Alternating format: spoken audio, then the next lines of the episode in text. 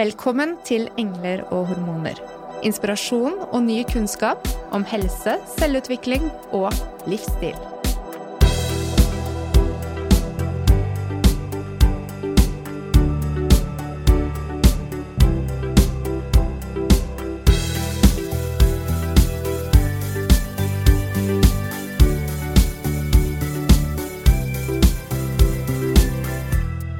Kroppen etter fødsel, det er faktisk kroppen din for resten av livet. Og vi kunne ønske at kvinner var like opptatt av å trene bekkenbunnen sin som å få magen sin tilbake. Vi kunne også ønske at alle kvinner fikk en bekkenbunnsjekk etter fødsel, og individuell veiledning til opptrening av bekkenbunnen når de trenger det som mest. Og grunnen til det er at i klinikken hver eneste dag så møter vi kvinner som har plager fra bekkenbunnen eller kroppen sin etter fødsel, og stiller spørsmålet hvorfor har ingen fortalt meg dette før? Kanskje helsestasjonene i Norge kunne hatt en egen fysioterapeut som var dedikert til kvinnehelse? Realiteten er at de fleste kvinner som har født barn i Norge, de får ikke veiledning til trening etter fødsel. Og de henter sin inspirasjon i stor grad fra sosiale medier, og ikke fra kvalitetssikrede kilder. Derfor er vi så utrolig glade for at vi i dag kan ha med oss to fysioterapeuter med både solid kunnskap og ikke minst lang erfaring innenfor tematikken trening etter fødsel. Hjertelig velkommen tilbake, Simone og Mona fra House of Femme i Trondheim. Tusen, tusen takk. For de av lytterne våre som ikke kjenner dere, kan dere kort fortelle litt om dere selv? Vi er jo to eh, damer som er lidenskapelig engasjert i det med å få kvinner til å ta vare på sin egen kropp, akkurat som dere to. Vi er fysioterapeuter, og vi eh, driver nå en klinikk og et treningssenter i Trondheim, eh, House of Fem, der vi har i overkant vil jeg si, eh, kunder og pasienter som er enten gravid eller er eh, nybakte mødre som skal trene seg opp etter fødsel. Eh, vi har drevet med det her i åtte år nå, så vi har møtt veldig mange forskjellige damer opp igjennom og fått fulgt dem i flere svangerskap. Og vi føler jo av den erfaringa vi har fått her, så har vi ganske god innsikt i egentlig både hvilke spørsmål og problemer som ofte de møter på etter et svangerskap og fødsel i opptreninga, og finne tilbake litt til sin egen eh, kropp og seg selv. Og så har eh, jeg har eh, tre barn selv, og du har Jeg har da to barn selv, så mine unger er nå begynt å bli ganske store. Så jeg har en gutt på sju og ei datter på fem år. Så jeg har jo liksom virkelig fått kjent, kjent, på kroppen selv, og det har jo vi syntes har vært veldig artig at vi har kunnet teste ut de her øvelsene og, og, og sånt selv. Og vi opplever nå at uh, stadig flere prioriterer uh, å trene seg opp etter fødsel. Uh, dessverre så er det fortsatt noen som ikke har tid og ikke har mulighet til å prioritere denne viktige bekkenbunnstreninga og denne viktige magetreninga etter, etter, fødsel. Så Vi brenner for at de skal finne, eh, finne litt tid til å sette, sette, seg selv og sin egen helse først. For det er som du, du sa, Mona, en kropp som vi skal leve med resten av, resten av livet. Mm. Og så er det ikke nødvendigvis det at man ikke finner tid eller sånne ting, men man vet kanskje ikke helt hvordan eller hva man skal starte med. Mm. Og hvis man ikke vet hva man skal gjøre akkurat spesifikt, og ikke helt er trygg på det, så er det terskelen for å gjøre det også så ekstremt mye høyere. Mm, absolutt. Det som kanskje er viktig å vite nå, da, er at Helsedirektoratet har, har, har justert eh, når man kan starte opp og trene etter fødsel, fra seks uker til nå fire til seks uker etter fødsel. Mm. Du kan faktisk begynne på å trene igjen etter fødsel fire til seks uker.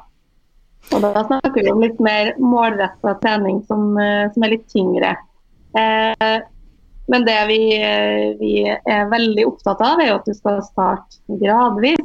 Du kan ikke gjenoppta den aktiviteten du hadde før du var gravid, og så tenke at nå skal jeg starte på samme treningsregime dag én. Det funker rett og slett ikke.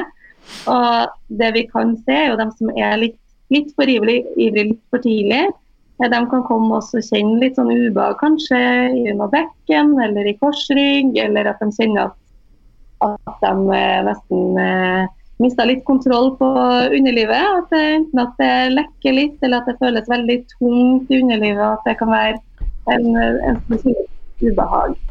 Eh, så, så, hos veldig mange eh, så må vi faktisk dempe dem litt. Vi, vi er nødt til å senke litt kravene til hva du faktisk skal få til. Eh, rett etter du har gått og ruga i ni måneder og vært gjennom en hesblesende fødsel, og så skal du da hive deg rundt og så rett tilbake på trening og, og få tilbake kroppen du har. Det, det, er jo kanskje litt der sosiale medier har vært òg. At man det er litt um, hurra, se på hun tre uker etter fødselen, så var hun så flott. Og så har det vært veldig sånn uh, omtrent, Du ser nå kommentarfeltene hagler over over hvor, hvor, bra og hvor flink du har vært, og hvor bra du ser ut, og hva har du gjort for å få til å få en sånn kropp så fort etter fødselen. Og det er jo kjempeuheldig. Det er jo så tungt for de stakkarene som fortsatt har en høygravid mage. Eh, tre uker etter fødsel omtrent, for, for ikke den har rukket å trekke seg helt sammen igjen. Og det er jo nesten mer normalt det enn at man har sixpack og får på seg samme trange hardhetsbuksene sine Jeg tenker eh, for oss som jobber eh, i klinikk, da, eh, så ser man jo ofte at det ikke nødvendigvis er dette med utseende på muskulatur eller størrelse på mage eller kropp som bestemmer om du har det bra, eller om du har god funksjon. Fordi eh, en flat mage kan godt eh, Er ikke synonymt med at du er sterk. Og, og man ser ikke bekkenbunnen utenfra, sånn at eh, man kan ha en del plager som er usynlige. Mm. Eh, som ikke nødvendigvis har med sixpack eller stor biceps å gjøre. Mm. Mm. Men hvordan anbefaler dere at man starter da? Sånn helt uh, hvis vi starter etter fødsel og man begynner å føle seg klar for å være i aktivitet, hva er det første man bør gjøre? Eh, allerede før du føler deg klar for det, eh, allerede mens du er fød fødestua, så skal du faktisk komme i gang med de her viktige bekkenbunnsknipene. Og det selv om du har hatt rifter under, under fødselen og har blitt sydd, så kan du komme i gang med bek bekkenbunnstreninga all, allerede. Så fra dag én, altså. Start, start å knipe. Du kan faktisk det, kanskje spørre jordmor om å sjekke om du klarer å knipe rett etter fødsel? Mm, det, det er sikkert ikke så mange som har lyst til at noen skal være borti det området heller. Men tatt. man, er, er, man, er, jo svakere. Eh, man har jo akkurat fått tøyd musklene til det ytterste hvis man har vært gjennom en vaginal fødsel. Eh, og det, det, er jo klart at da er det ikke unormalt at man kan miste litt kontroll i noen dager eller ikke klare å finne musklene. Man har jo en del smerter i underlivet, det er jo også veldig normalt etter en fødsel. Men det å begynne å prøve å finne tak i de musklene som forhåpentligvis du har trent når du var gravid, eh, det er noe som absolutt bør prioriteres. Legg lista lavt. Kanskje holder du bare knipet i ett til to sekunder. Mm. Du kommer ikke til å klare å holde i ti sekunder de første dagene etter fødsel, og det er helt greit. Men start, start bare å prøve å vekke noe som er der. Eh, og tenk at For hvert knip du tar, så får du mer sirkulasjon, som gjør at musklene i bekkenbunnen også kommer seg fortere. Også om det har vært rifter, sånn, så gror ting raskere når vi får hjelp til litt eh, blodsirkulasjon der. Så bevegelse hjelper for at vevet skal komme seg raskere? Mm. Mm. Mm. Men uh, dette med antall knip og hvor lenge du skal holde Sånn mm. etter hvert, da, når man begynner å få kontakt og tenker at man skal trene litt mer, hva er det dere anbefaler der uh, for å styrke bekkenbunnen? Ja, det er tre ganger ti repetisjoner per dag hvis du skal styrke bekkenbunnen. Eh, og da er det at man ønsker å strebe seg opp mot en ti sekunders holdetid eh, når man kjenner at man gjør knippet riktig. Mm. Det er faktisk dokumentert effekt at det, bare den lille økta der er nok til at du klarer å styrke opp bekkenbunnen. Går det an å si at det, at det er ikke bare knip, men at det også er et løft? Ja. ja. det er jo noe som har begynt å gå ut nå eh, med at det burde heller kalles løft i stedet for knip, om man skulle endre hele beskrivelsen av av eh, øvelsen. Eh, mm. Rett og slett fordi løftet der er kjempeviktig for å få god effekt av treninga. Mm. Og det er jo derfor, som du sier, kanskje skulle alle fått lov til å komme inn til en bekkenbunnsundersøkelse og få oppfølging etter fødsel. Det gjør de i Frankrike f.eks. Der får de ti Mm. Ti ganger med fysioterapeut. Franske kvinner får etter fødsel, som er dekka. Eh, så de skal få hjelp til å trene opp bekkenbunnen sin. Mm. Så vi vet at gjør det riktig, så har det fantastisk god effekt. Ja, og så tenker jeg dette her når det kalles også for et knip, da, så er det jo mange som tenker ok, da kniper jeg sete, jeg bruker lår, jeg bruker mage, og gjør mange kompensasjoner som uh, egentlig ikke går på bekkenbunnen i det hele tatt. Mm. Mm. Det er viktig å huske på at det er ikke noe farlig om du kniper setet, eh, men det er bekkenbunnen, det er altså åp, eh, muskulaturen som ligger helt nærmest rundt åpningene dine. Det er dem vi tenker på når vi snakker om bekkenbunnstrening. Mm. Sånn at, eh, om du klarer å knipe av strål, strålen på do, um, så har du kanskje en litt kontakt med bek, bekkenbunnen din. Mm. Og Så jobber du deg bare videre derfra. Du skal ikke trene på toalettet, men det, det er en fin test for å se om, eh, om du bruker, bruker, den riktige muskulaturen. Så kan du også, igjen for å få det løftet vi snakka om, så kan du også kjenne Det er et sånn hudparti midt imellom skjedeåpning og endetarmsåpning som vi kaller perineum. Det høres jo litt sånn flott ut på fagspråket. Dere kjenner kanskje som mellomkjøttet. Jeg syns det er et utrolig stygt ord. Ja. Her kan man også legge en eh, forsiktig en finger eh, som bare støtter opp på det hudpartiet. Og så kniper man og løfter, sånn som eh, man da tror man gjør det riktig. Og det man da skal kjenne hvis man gjør det korrekt, er at det hudpartiet det letter litt, altså trykket fra fingeren din. Det forsvinner litt når du kniper. Og når du slipper opp, så kjenner du at det bare kommer tilbake der det var. Du skal ikke bli sterkere, du skal ikke presse ned tilbake, du skal bare slippe. Så Det er også en fin måte til å kjenne om det skjer et lite løft også. Så du mm. kan teste deg selv litt, faktisk. Veldig ja. godt tips. Mm. Mm. Og det vi ser, For å ta bort litt sånn feilkilder, er jo som du sa at mange bruker også mage. og Hvis du strammer masse masse, masse mage når du trener bekkenbunn, så er det en viss fare for at du kan gjøre det motsatte av å styrke bekkenbunnen. Du kan faktisk være med å svekke den. for Da kan det være at man presser nedover i stedet for å få det løftet oppover. Mm. Så ja, det veldig veldig mye mage. Prøv å legge en varmepakning på magen, ta en god pust inn og ut først. Og prøv å slappe av før du starter. Og så heller ta i litt mindre.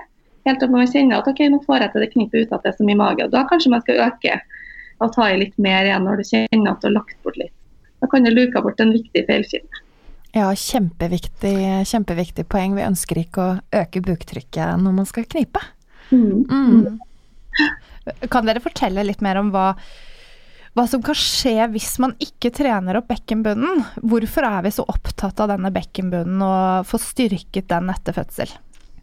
Det første man tenker på er jo det her med lekkasjer, selvfølgelig.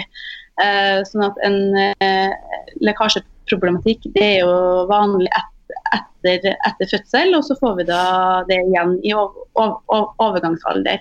Så alle sammen anbefales å ha en opptreningsperiode på tre til fire måneder av, av bekkenbunnen etter fødsel. Og Det gjelder også om man føder, føder med keisersnitt.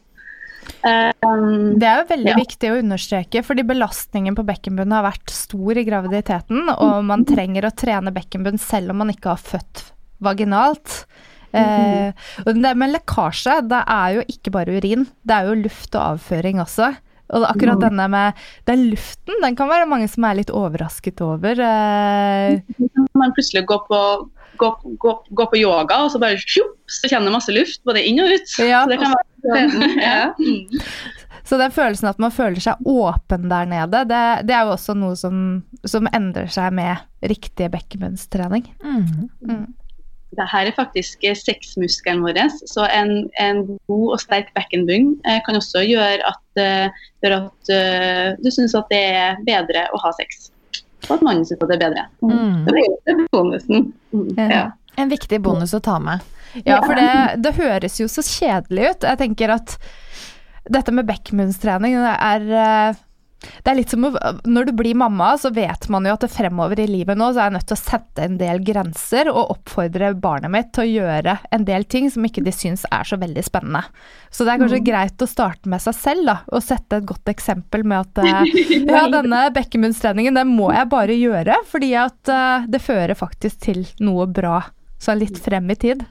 Man ønsker jo gjerne å kunne hoppe på trampoline med barna sine uten å oppleve lekkasjer og ikke være redd for å gå i bikini på stranda pga.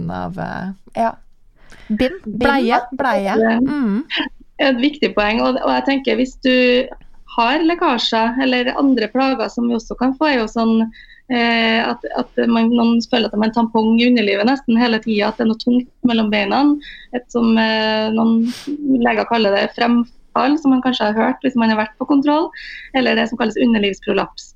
Det kan vi også påvirke ved bekkenbunnstrening eh, og riktig bekkenbunnstrening. Så jeg tenker Det å komme i gang med trening som er fokusert, ikke bare når du kjører bil og tar noen raske knip, da setter du av tida. Det tar under ti minutter hvis man gjør det riktig. Mm. Eh, og det er veldig kort tid i løpet av en dag. Og så Da kan faktisk bekkenbunnen både bli sterkere, tykkere, åpningene kan bli mindre. Og vi kan faktisk heve posisjonen på noen av bekkenorganene som kan tynge nedover, altså sånn som blære og tarm. Og Det er jo helt fantastisk. Koster mm. ingenting.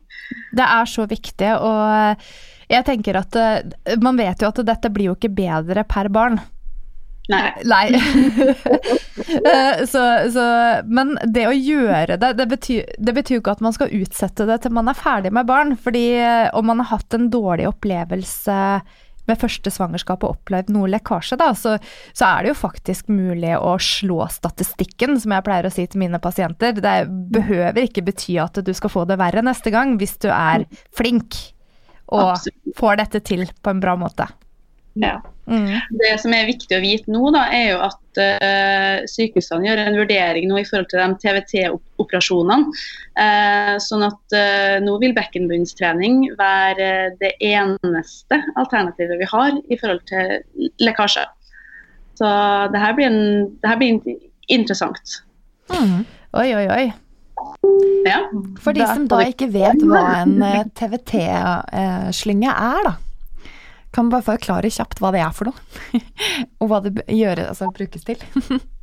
det er en operasjon der, altså et operativt inngrep rett og slett for at man skal eh, få bukt med lekkasjer. Mm. Eh, og et inngrep er jo aldri noe det er jo aldri noe som førsteprioritet. Det er jo ikke en enkel løsning. Og, men det som har vært sett, er at det har ikke alltid vært vellykket. Mm. Så da ser de heller at en sånn konservativ trening som vi kaller det, som er bekkenbunnstreninga, knip og løft, det er det som uh, har aller best effekt.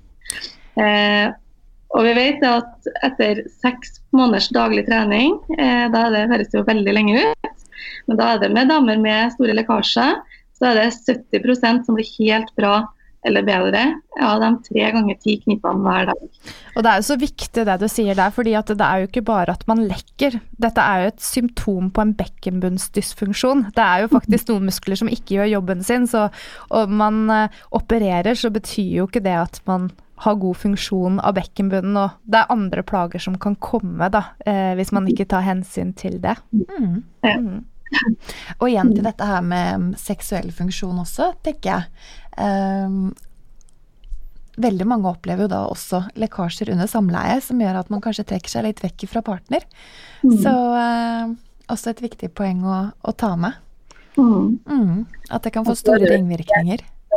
Ja, og så er det jo et helt eget felt det her i forhold til smerteproblematikk. Men det er også bekkenbunnstrening viktig for da, om man opplever smerter i bekkenbunnen. Det er f.eks. samleie. Eh, for Da handler det jo igjen om den her viktige kontrollen på muskulaturen. sånn Klarer jeg å knipe, og klarer jeg å slippe, klarer jeg å slappe av sant? når penis føres inn. Mm. Og det er jo, Særlig med disse nybakte mødrene, så er vi jo altså Man har jo ofte litt eh, påvirkning av hormoner, eh, som gjør også at østrogenproduksjonen er litt redusert rett etter en fødsel. Som gjør at vi kan få litt tørrere slimhinner og sånn i første, første del. og da kan det være smertefullt også i forhold til samleie. Så det tenker jeg at man må, man må være litt raus med, med f.eks. bruk av glidemiddel eh, i første tida hvis man opplever den tørrheten, for å unngå nettopp det som man sier smerter under samleie. For det vil kroppen ofte huske, og da kanskje gruer man seg til neste, og så kan det bli en sånn ond sirkel til noe som skal være litt hyggelig, mm. når man er klar for å gjenoppta det. Mm. Så eh, så ta, ta, god tid når man skal tilbake til den delen av samlivet. Det er ikke noe man gjør før man føler seg klar sjøl. Men eh, bruk gjerne litt hjelp helt de første gangene. Mm. Så i forhold til trening, da, det er jo føler vi har fått fremhevet viktigheten av bekkenbunnstrening nå. Absolutt. Vi kan jo understreke det igjen når vi avslutter, men, men, man har jo gjerne lyst til å gjøre litt mer.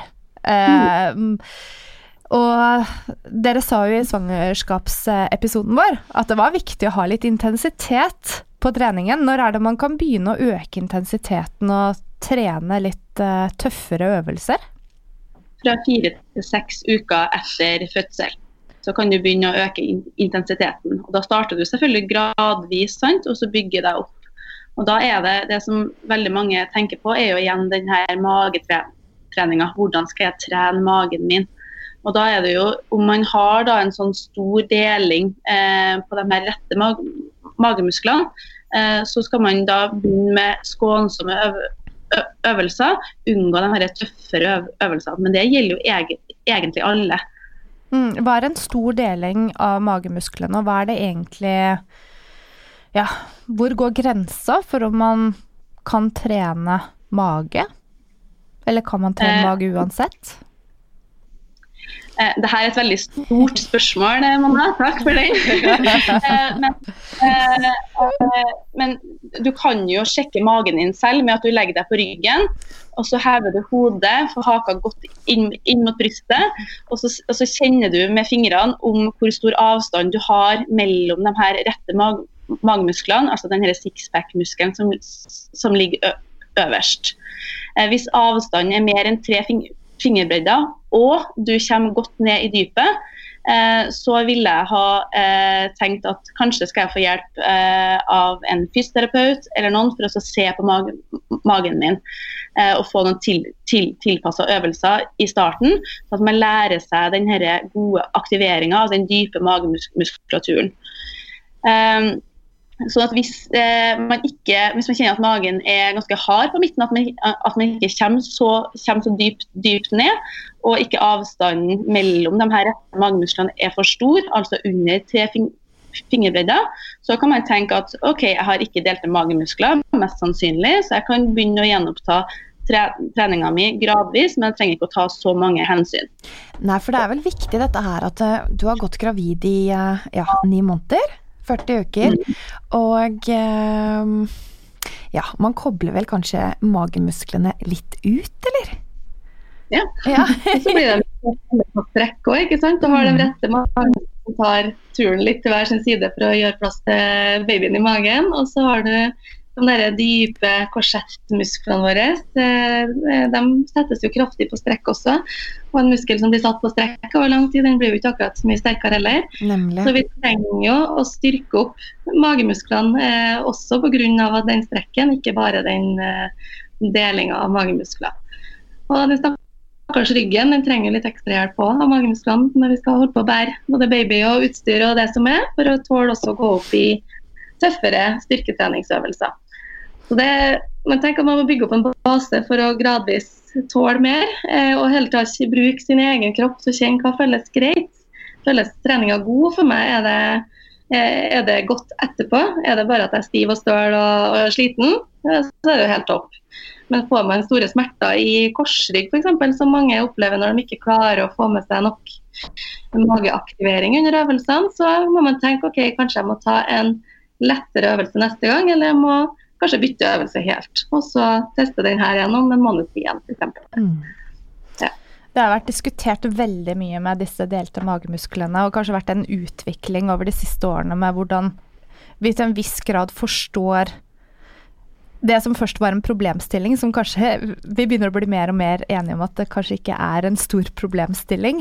Eh, men mm. altså, damer er opptatt av magen. Sånn er det bare. Eh, men i forhold til eh, et av disse studiene som kom i fjor, som var fra Norge, syns jeg det var så interessant der de målte avstanden mellom magemusklene eh, i uke seks, og så at eh, hos de som ikke hadde samlet eh, magemuskler, så var det mindre tendenser til nedfall enn hos de som hadde samlet magemusklene. Og det Jeg tenker kroppen er innmari smart. Så, så, så, er det slik at ikke du klarer å fordele trykket og du har en svak bekkenbunn. Kanskje det er smart da, at man har litt delte magemuskler, sånn at man ikke får alt dette trykket nedover og rett og slett lytte til kroppen og spille litt på lag med, med den underveis i opptreningen. At det Du trenger ikke å pushe gjennom noe. Det er faktisk ganske greit at man har litt delte magemuskler en periode. De fleste kommer jo tilbake etter åtte til tolv uker. Ja, og så er det noen som aldri kommer tilbake helt der de var, og det er jo helt OK. Mm. Det trenger ikke å være et problem i det hele tatt. Om, eh, da er det kanskje den kosmetiske biten at noen syns det eh, at de føler det er ubehagelig at ikke magen er akkurat som den var, men vi er nå strekt, som sagt. Tøyer i alle retninger omtrent. Og, det, er- og det, om det er en centimeter ekstra deling mellom magemusklene, så trenger ikke det ha noe betydning for funksjonen i det hele tatt. Nei, for Kanskje du- Unnskyld, Mona. Nå snakker jeg i munnen på deg. Eh, men eh, ja, det er vel kanskje et nøkkelord dette her med funksjon. Mm. Mm. Og så er det ikke sikkert du hadde magemusklene helt sammen før du ble gravid heller. Du bare tenkte Nei. ikke på det. Mm. Mm. Og så er det jo litt med trening eh, En ting er jo bekkenbunn og mage, men det er jo den eh, Vi kan også se for oss at ved en vaginal fødsel så har jo bekkenet blitt satt kraftig på strekk også. Og det er jo litt derfor vi vil eh, avvente oppstarten med tøffere trening. Eh, til vi har fått litt ro og la bekkenet få lov til å få lov til å hente seg inn litt igjen, hvis vi skal si det sånn. Se for deg at du nesten har forstua deg litt uten at du egentlig har gjort det. Mm. Eh, og da, for å forklare eh, pasienter eller kunder hvorfor man ikke kan starte opp hardt med en gang, da, hva, hva kan være årsaken til det. Og det er jo rett og slett for at bekkenet også skal få litt den roen den trenger eh, før vi starter opp med tøffere. Og så har vi et sår som skal gro der morkaka har vært. ikke sant? Så det er mye av en renselse. Mm. Det er ikke alle som er klar over. Første seks ukene typisk så blør man jo. Eh, og det er ikke alltid mange som ikke var helt forberedt på det. Mm. Det kan ikke alltid være det artigste i verden, men det er normalt. Og det avtar gradvis. Så, det, så da er det jo litt med svømmetrening òg. Det kan man unngå da, i forhold til å unngå infeksjoner og sånn, så lenge man holder på å blø etter fødsel. Mm.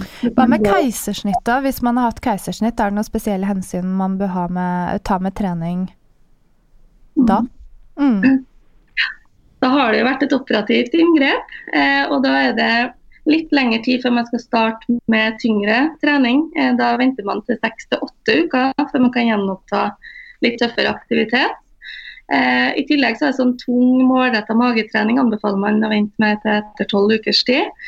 Eh, og der er det gradvis. Du starter ikke med den aller tøffeste. Nå har det gått tolv uker, bam! Da går vi rett på den og ligger i båten den, og kjenner det river og røsker litt i magemusklene. Vi, vi venter og gjør det heller litt gradvis opp mot der det vil være. Eh, noen kjenner nummenhet i såret, i sårområdet, og den avtar som regel. Eh, noen kan kjenne at det strekker litt mm. når vi begynner å bevege oss, at det er litt ubehag, men det er ikke noe farlig. Såret har grodd etter tolv uker, det skal, skal gå fint. Så ikke vær redd for å bevege deg. Tørs å strekke deg opp og tørs å puste ned i magen. ikke sant? Og, Og gjerne ta litt på såret, ta litt på magen når du har begynt, begynt, begynt, å gro. mm. Sånn at huden blir liksom vant, eh, vant igjen. Og så er det jo ofte kan være den økning i buktrykket. altså Hvis du hoster eller nyser eller skal flire høyt, kan være litt ubehagelig i starten. Jeg hadde keisersnitt sjøl med min første, og jeg husker jeg eh, ble så lykkelig når noen fortalte meg hva jeg kunne gjøre når jeg måtte hoste. Og der er veldig mange pasienter som ikke fikk høre eh, hvis det var et type akutt keisersnitt. Så det å legge en pute f.eks. mot magen og trykke imot når du må hoste eller flire eller gå på do og gjøre nummer to.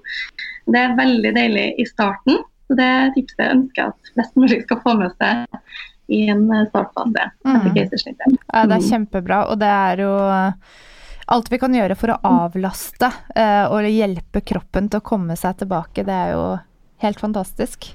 Men du var innom i sted på at eh, vi har jo faktisk litt eh, å bære på etter at vi har blitt eh, mødre, og det er jo gjerne både utstyr og baby. Eh, Er det noen spesielle ting vi da kan tenke på i forhold til å styrke kroppen for å bli sterk til alle disse daglige oppgavene som vi faktisk må i gang og gjøre ganske fort? Det er jo ikke, vi kan jo ikke ligge rett ut. Um, Så hvilke muskelgrupper bør vi starte å fokusere med? I tillegg til da bekkenbunn og mage, som vi har snakka om nå, eh, så er ryggen selvfølgelig viktig. Eh, tenk på de her eh, holdningsmusklene som ligger mellom skulderbladene i øvre rygg. De er kjempefine å trene, så type sånn roøvelser og sånt. Det er veldig fint. Og så Når det gjelder trening av armer og bein, så kan du tenke litt, tenke litt tra tra tra tradisjonelt. Og velge de her gode øvelsene som du er vant til fra før av. Eh, det som skal tenke på i forhold til styrketrening av beina, er jo igjen at vi ønsker en litt symmetrisk aktivitet. Kanskje du velger knebøy og sånne ting først, før du går over i utfall og sånne type øve øvelser. Hva med belastning da, når det gjelder eh, styrketrening etter fødsel og typisk knebøy f.eks.? Mm. Start med egen kroppsvekt, mm. og så gradvis opp der. Tenk at du skal i hvert fall klare en seks repetisjoner av det til å begynne med. Mm. Du kan bruke babyen som en sånn koselig vekt. Mange babyer roer seg veldig med sånne knebøyøvelser. Hvis du er litt urolig, så får du to fluer i en smekk. Roa babyen og trent litt selv. Mm. Og så er det jo det at du ikke skal kjenne at det trykker f.eks. ned i bekkenbunnen. At igjen eh, det ikke er trykket av minste motstandsvei. Du skal klare å holde et godt knip, eller, og ikke kjenne at det gir et press ned, eller at du tisser på deg når du gjør en øvelse. Så ikke hiv på de tyngste vektene og vektstanga første gangen. Gradvis oppbygging. Bra. Mm. Så ikke tisse på seg, ikke nedpress og ikke vondt. Mm, ja. ja. og det er jo litt med hopping og jogging òg. Det, det, er jo noen som går til skritt og ikke anbefaler jogging første året etter fødsel, men det er jo veldig vanskelig i praksis for glade joggere. Så der tenker vi at man må, bør ha kontroll på bekkenbunnen før man begynner å hoppe og jogge. Mm. Eh, det som er veldig lurt til dere som er glad i, glad i, å jogge, er at dere kan starte med å jogge i oppover, oppoverbakka først. Og så kjenne etter om bekkenbunnen tåler, tåler det. For det er ofte lettere for bekken, bekkenbunnen når du da springer oppover. Og I tillegg så er det jo mer, er det jo mer slitsomt for deg, sånn at eh, da regner jeg med at du blir ganske fornøyd. Og så kan du da begynne å jogge både oppover og flatt. Og så er det siste challenge for bekkenbunnen er jo de her nedoverbakkene. Eh, sånn at eh, da vil du kanskje begynne å nærme deg sånn 9-10-11 måneder. Eh, så kanskje bekkenbunnen er klar til å jogge litt nedover også. Mm. Ja, men Det er jo virkelig god treningseffekt i bakkeintervaller, så det er jo ikke noe problem å bli fornøyd med de rådene. Det var veldig nyttig. Eh, det med løping er det veldig mange som lurer på. Jeg har hørt alt fra seks uker, altså bare sette rett i gang, mm. til eh, et år, som de, dere sier. Og det er jo det er jo noen som har litt større utfordringer med nettopp dette. At de f.eks. har hatt fødselsskader eller opplever lekkasje. Mm. Eh, bør man stoppe da?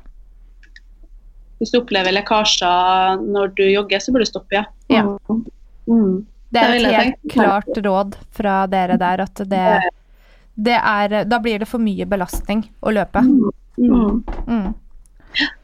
Jeg tenker at ikke, Musklene er ikke sterke nok til å tåle det trykket du gir. og Da kan du tenke at hver gang du støter ned når du jogger, så får du en sånn gynging på en sånn svekka eh, muskel, en sånn slags hengekøye i der bekkenbundet.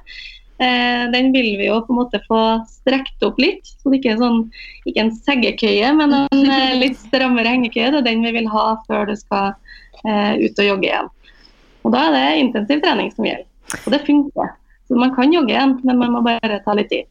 Men det er, jeg hadde en eh, referanse, eller en fortelling fra en barselgruppe i går, som faktisk mm. løper sammen. Og der er alle sorte tightser, og alle er dyvåte fordi de alle lekker etter løpetur. Og det er noe som de gjør sammen hver mm. eneste uke.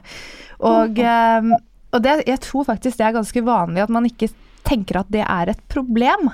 Mm. Eh, kan vi bare gå litt dypere inn i hva er det hva er det som er problemet med å lekke, egentlig? Altså, hva kan skje hvis man fortsetter å løpe med disse plagene? Det er jo det at du kan, eh, som jeg sier, du får det trykket ned mot bekkenbunnen som den ikke tåler. Det kan være med å svekke, svekke muskulaturen, og du kan eh, da oppleve at du får lekkasjer i andre sammenhenger også.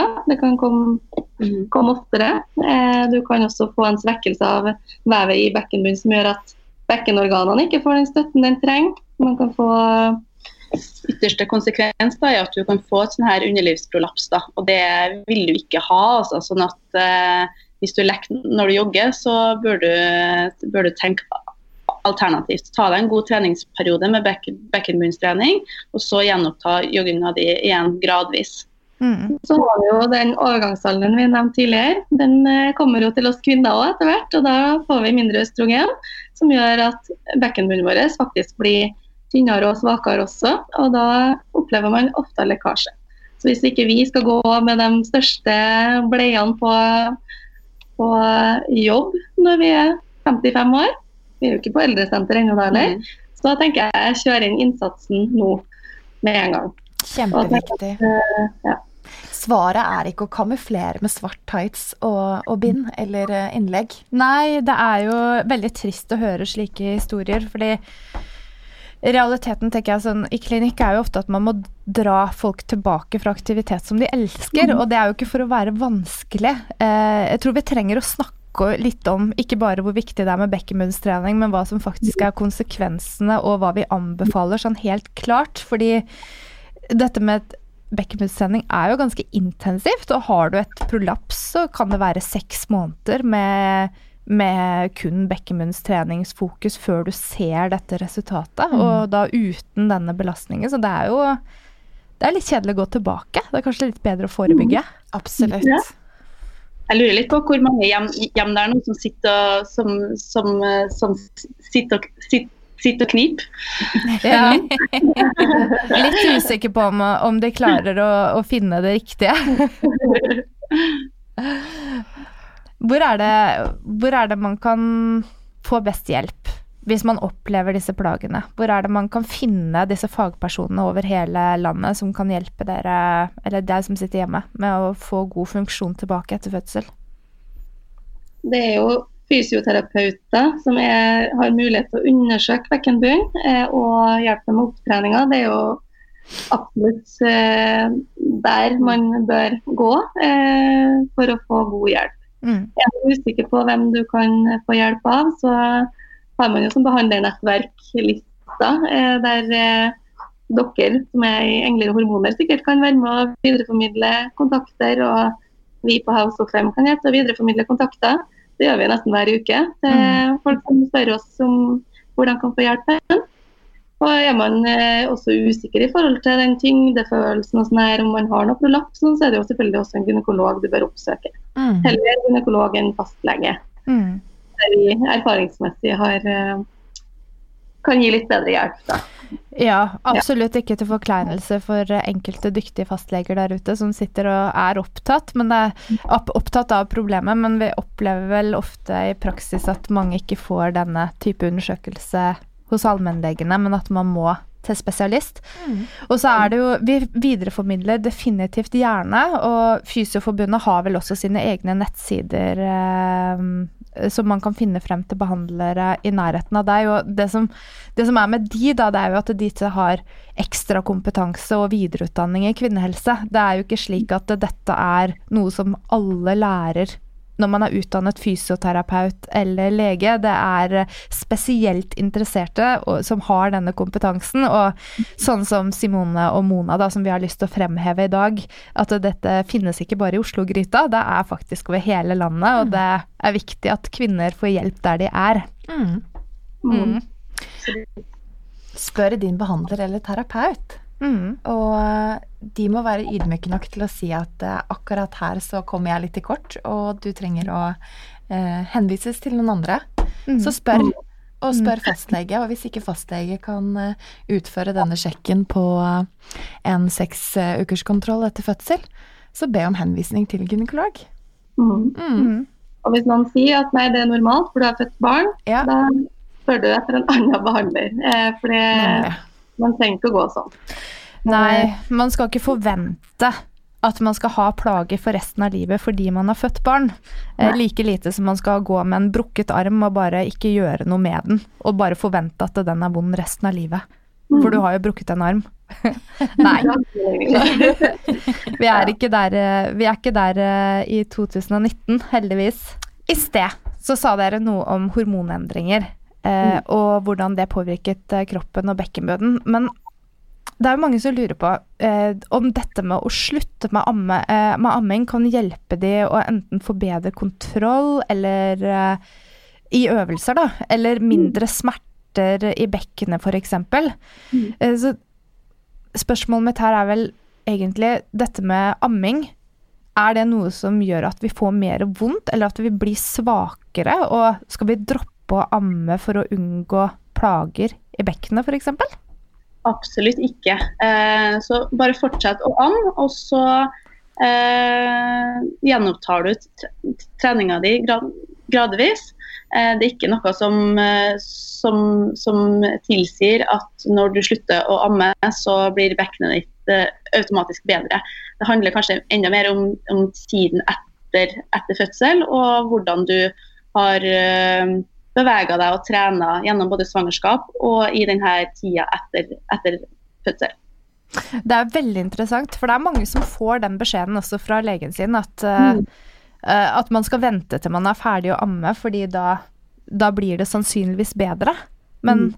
det er ikke deres erfaring at det spiller inn Nei, og så er det en del fysioterapeuter også som ikke skal ta inn eh, pasienter til behandling på bekken før det har gått seks måneder etter fødsel. Og Det syns vi er dessverre helt feil. Eh, for her tenker jeg Jo tidligere du kommer, kommer, i gang med å behandle de her plagene, jo lettere er det å ta, ta tak i dem.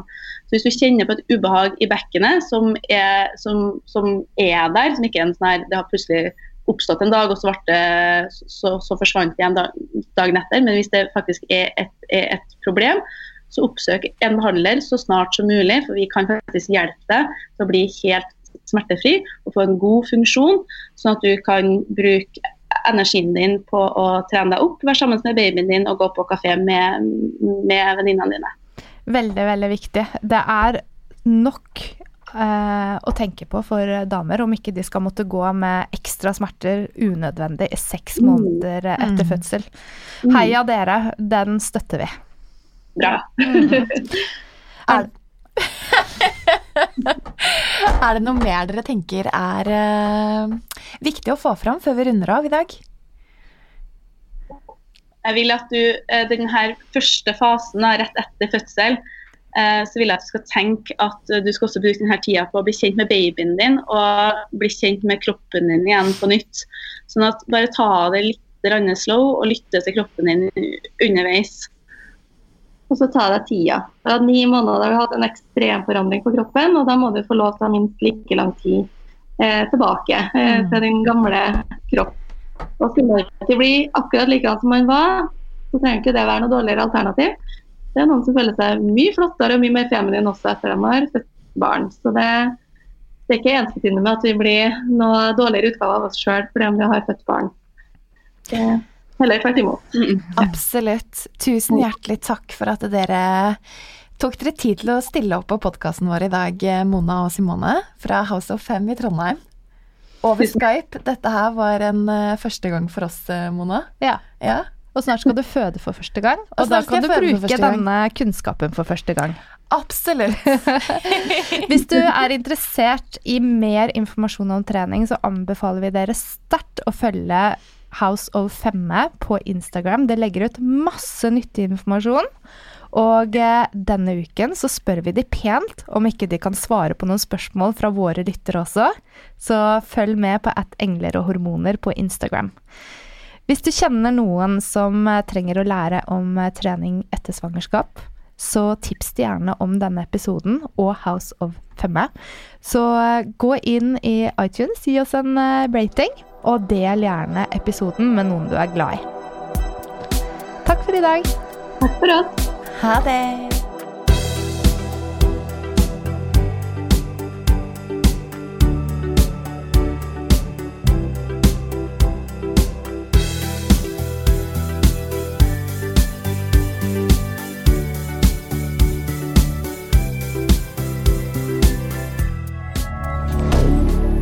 moderne media.